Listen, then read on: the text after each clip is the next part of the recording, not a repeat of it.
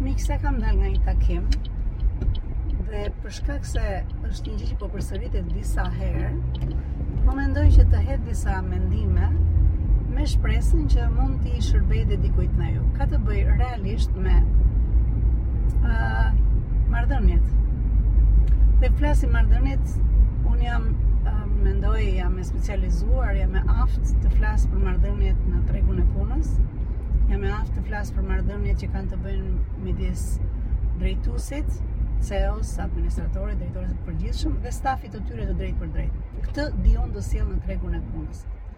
Ama, kur ulem dhe punoj me këta personat në mënyrë të vazhdueshme, ajo që kuptoj është që shumë prej këtyre personave, që mund të jetë qoftë drejtuesi CEO, pra mund të jetë vendimmarrësi i parë, ose personat të cilët punojnë drejtpërdrejt me të, dhe janë persona të cilët në përgjithësi janë shumë të plotësuar.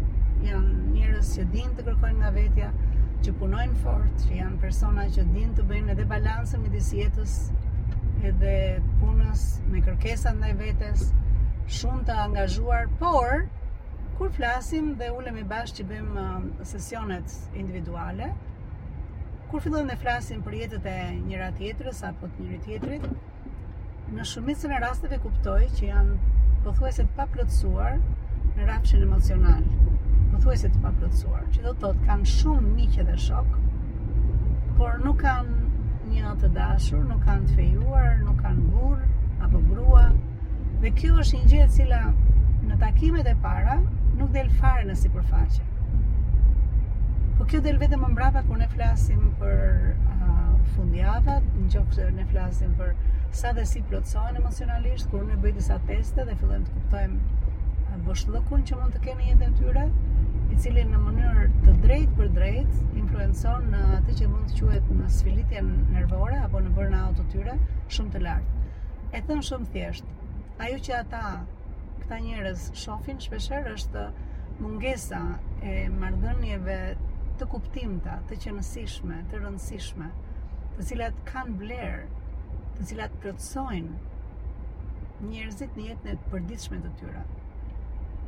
Duke thënë këtë gjënë, do doja të thoshja një një disclaimer të jashtëzakonshëm, Kjo nuk është fusha ime ekspertizës, por fakti që unë e shoh këtë në treg, pavarësisht gjeografisë, pra mund të jenë në Shqipëri, mund të jenë në trevat shqiptare, mund të jenë në diasporë ose mund të jenë me nacionalitete të ndryshme, prap kjo është një mungesë e jashtëzakonshme. Do e them pak më brapa kur mendoj që është ndryshimi, Por po them një herë së pari, çfarë unë shoh që këta njerëz të realizuar ndjejnë mungesën e një marrëdhënie të kuptimtë. Pasja e një marrëdhënie të kuptimtë, të kuptimtë të qëllimtë të, të rëndësishme, pjesë të jetës, shpesh herë përkthehet me pasjen e kohës për të investuar. Dhe në shumë raste, shumë prej Por ajo që më thonë shpeshherë është që e provova, nuk ia vlente, oh, uh, duhej qe punë më vete. Nuk mendoj që gjendet aq kollaj, tjetër gjë mendoj unë, tjetër gjë mendon personi tjetër. Unë kam orare të gjata, unë kam detyrime që duhet t'i bëj dhe kur jap fjalën do duhet patjetër të realizoj, unë dua të eci, shpesh herë ky person nuk nuk ka të njëjtat objektiva me mua, nuk ka atë gridën. Këto janë çka dëgjoj në mënyrë të vazhdueshme. A përjashtohen këto? Absolutisht nuk përjashtohen.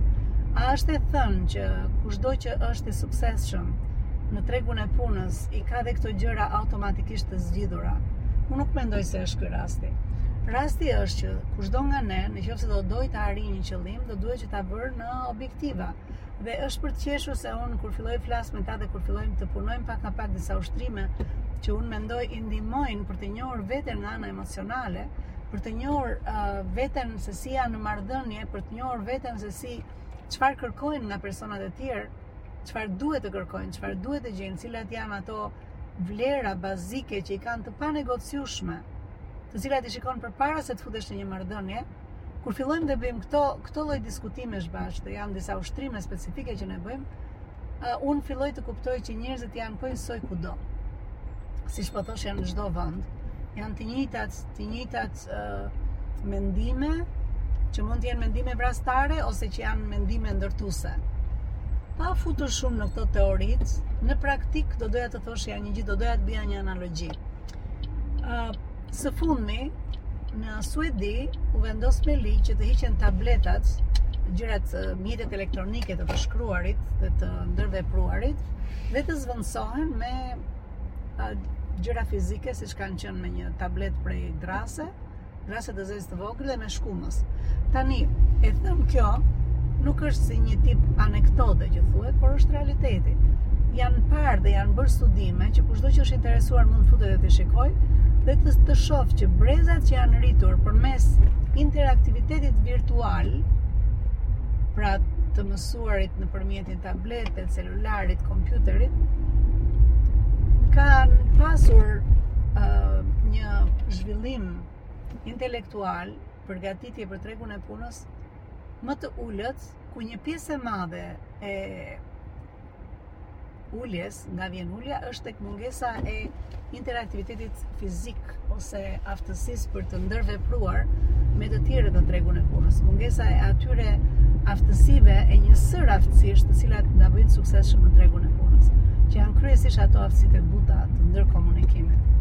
Pra, një, a, një shifër e madhe që e ul këtë gjënë, një pjesë e madhe e uljes vjen nga pikërisht të ndërvepruarit virtual, dhe mungesa e të ndërvepruarit fizikisht të themi ballë për ballë dhe në këtë kuadër ajo që unë do doja të thoshja është e njëjta gjë pothuajse ndodh në qoftë se ne këtë gjë e shtrijmë në marrëdhëniet tona dhe në jetën tonë si të rritur shumica e njerëzve që në fëmininë e tyre flas ky brez që sot janë në, janë të plotësuar në tregun e punës, pra do të thoshja nga mosha 27 deri në moshën 44.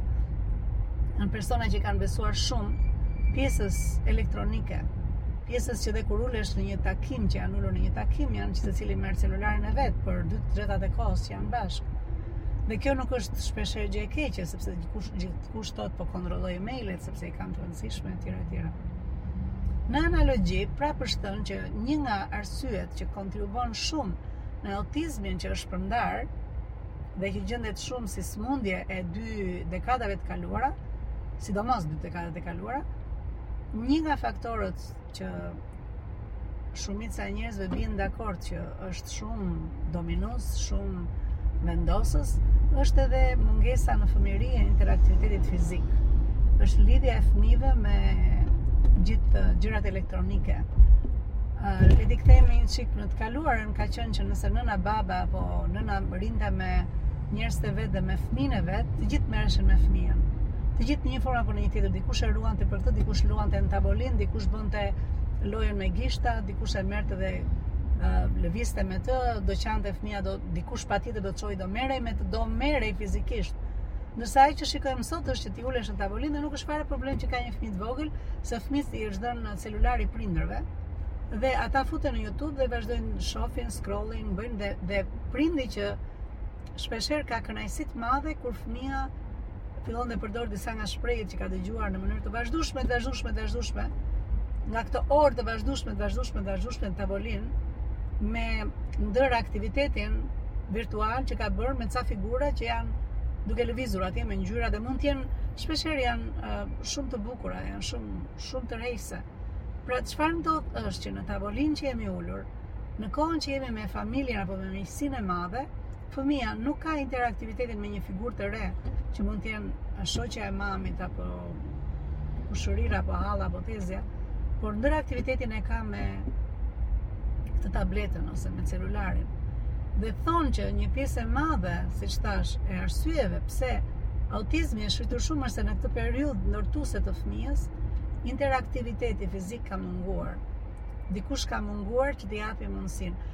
A, siç thashë, nuk janë, a, nuk është shkencore kjo fjala e fundit apo tjera tjera, këto mund t'i lexoni, por ajo që ne po diskutojmë këtu është mungesa e interaktivitetit që në fëmijëri ka ndikuar dhe ndikon si një faktor, dhe këtu është e diskutueshme masa, për pasjen e mundësisë që dikush të bëhet të ketë të jetë në spektrin e autizmit, qoftë në fillim, qoftë në fund.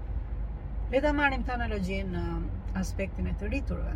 Në qoftë se ne duam të kemi një marrëdhënie të shëndetshme, njerëzore, personale, patjetër që do duhet që këtë gjënë ta vëmë në objektivat tona. Më vjen për të qeshur që shpeshherë kur bëjmë ne këto ushtrimet që kanë të bëjnë me cilësinë e jetës dhe që kanë të bëjnë me sa mirë ne mund të prodhojmë gjatë ditës në produktivitet Aq më mirë duhet të kemi mbasditen, familjen, në tre të katërtat e jetës tjetër që nuk është në punë. Dhe në këtë kuadër, kur ne bëjmë ushtrimet, më vjen për të qeshur që funksionon që njerëzit ta bëjnë si ushtrim, kur unë i them, ky është një nga projektet tona. Në qoftë se i them që shiko se kjo duhet bërë sepse është për të mirën tënde e tjera tjera, t'i thosha gjithë çfarë ju thashë, nuk funksionon. Por në qoftë se unë ju them që shiko se kjo është, është një projekt bashkë, me të cilin ne duhet ta bëjmë, sepse në qoftë se nuk e bëjmë, nuk ecim dot përpara. Vetëm atëherë fillon e marrim seriozisht, sepse çdo projekt që ne na jepet nga dikush tjetër, ne do ta bëjmë, por në qoftë se ka të bëjë me veten tonë, shpesh herë ne e lëmë të fundit ose e shtyjmë ose themi jo tani sepse kam gjithë këto gjërat e tjera, të cilat në fakt nuk janë për ne, por janë për punën, janë për bosin, janë për bosen, janë për drejtuesin, janë për familjen, janë për prindërit, janë për fëmijët, janë për burrin, janë për gruan, por asnjëherë për ne. Dhe në ka një gjë që unë besoj për t'u kthyer tek tema si e filluam, që unë besoj që është shumë e rëndësishme është që për jetën tonë ne vendosim. Për jetën tonë ne vendosim cilat marrëdhënie janë ato që ne duhet t'i ndërtojmë, duhet të investohemi, Dhe fjalia e fundit që unë bëj në këtë ushtrim është cilat janë marrëdhëniet që duhen vrarë dje. Cilat janë ato marrëdhënie të cilat kthehen në toksike, që kthehen në peshë të vdekur në jetën tonë. Shpesh herë këta njerëz që unë uh, po flisja vazhdojnë për inerci në një marrëdhënie sepse nuk kanë kohë të merren me marrëdhënien. Nuk kanë kohë të merren dhe ta gjykojnë, nuk kanë kohë ta shohin në sy dhe të thonë që kjo nuk është për mua, kjo nuk është për mua. shpeshherë nuk kanë kohë t'i marrin dhe të ulen dhe përballen me këta persona. Mund të përballen me këdo në tregun e punës, me këdo që e kanë konkurent, me këdo që e kanë në tavolinën e drejtimit të një biznesi dhe mund të marrin ta vënë përpara tjetrin për 3 javë. Dhe ta nxjerrin matanë, por kur vjen puna për gjënë e tyre, që është jeta e tyre, kjo gjë shtyhet pambarimisht dhe shpesh herë mbahen në krah personat në marrëdhënie të cilat mund të jenë ose toksike në rastin më të keq ose në rastin më të mirë janë zëre se s'janë. Dhe këta njerëz që ndihen të vetmuar edhe pse janë në një marrëdhënie. A a ka rrugëzgjidhje për këtë gjë? Unë nuk jam eksperte. Unë jam një person që vetë e kam jetuar këtë gjë, vetë e kam vuajtur këtë gjë. Por ajo që unë besoj është secili nga ne, nga çdo uh, dështim, nxjerr një mësim dhe unë ndaj, mundohem t'i ndaj këto mësime dhe me të gjithë ata me të cilët unë punoj.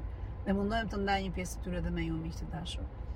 realisht uroj që kushdo nga ju që më ka dëgjuar është të fillojë të vërë të panegociueshme temën e marrëdhënieve jashtë pune, e marrëdhënieve personale, e marrëdhënieve të shëndetshme emocionale, e marrëdhënieve që kanë të bëjnë me ty, mik apo mikeshë që po më dëgjon si person, me vënien e këtyre marrëdhënieve në në fazën, në shkallën e prioritetit të parë, sepse ka të bëjë me shëndetin mendor, ka të bëjë me në fund të ditës për atë që unë di të bëj në tregun e punës, ka të bëjë me produktivitetin, kur ne shkojmë dhe punojmë 8 orë për dikë tjetër apo për veten tonë.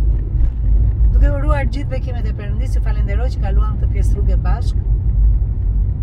Realisht mendoj që secili nga ne e ka mundësinë që në një orë të caktuar të ditës të ulet dhe të bëjë një inventar të marrëdhënieve të veta. Për ata që duan më shumë informacion, ju lutem më shkruani, e dini ku më gjeni. Sërish gjithë bekimet e Perëndisë. Për ato kemi nevojë. Miqësisht Elida. Një mikeshë apo mik? Nëse ke arritur deri në fund të videos, kjo do të thotë që ti je një ndjekës i ynë i rregullt dhe ke interes në gjërat që ne bëjmë.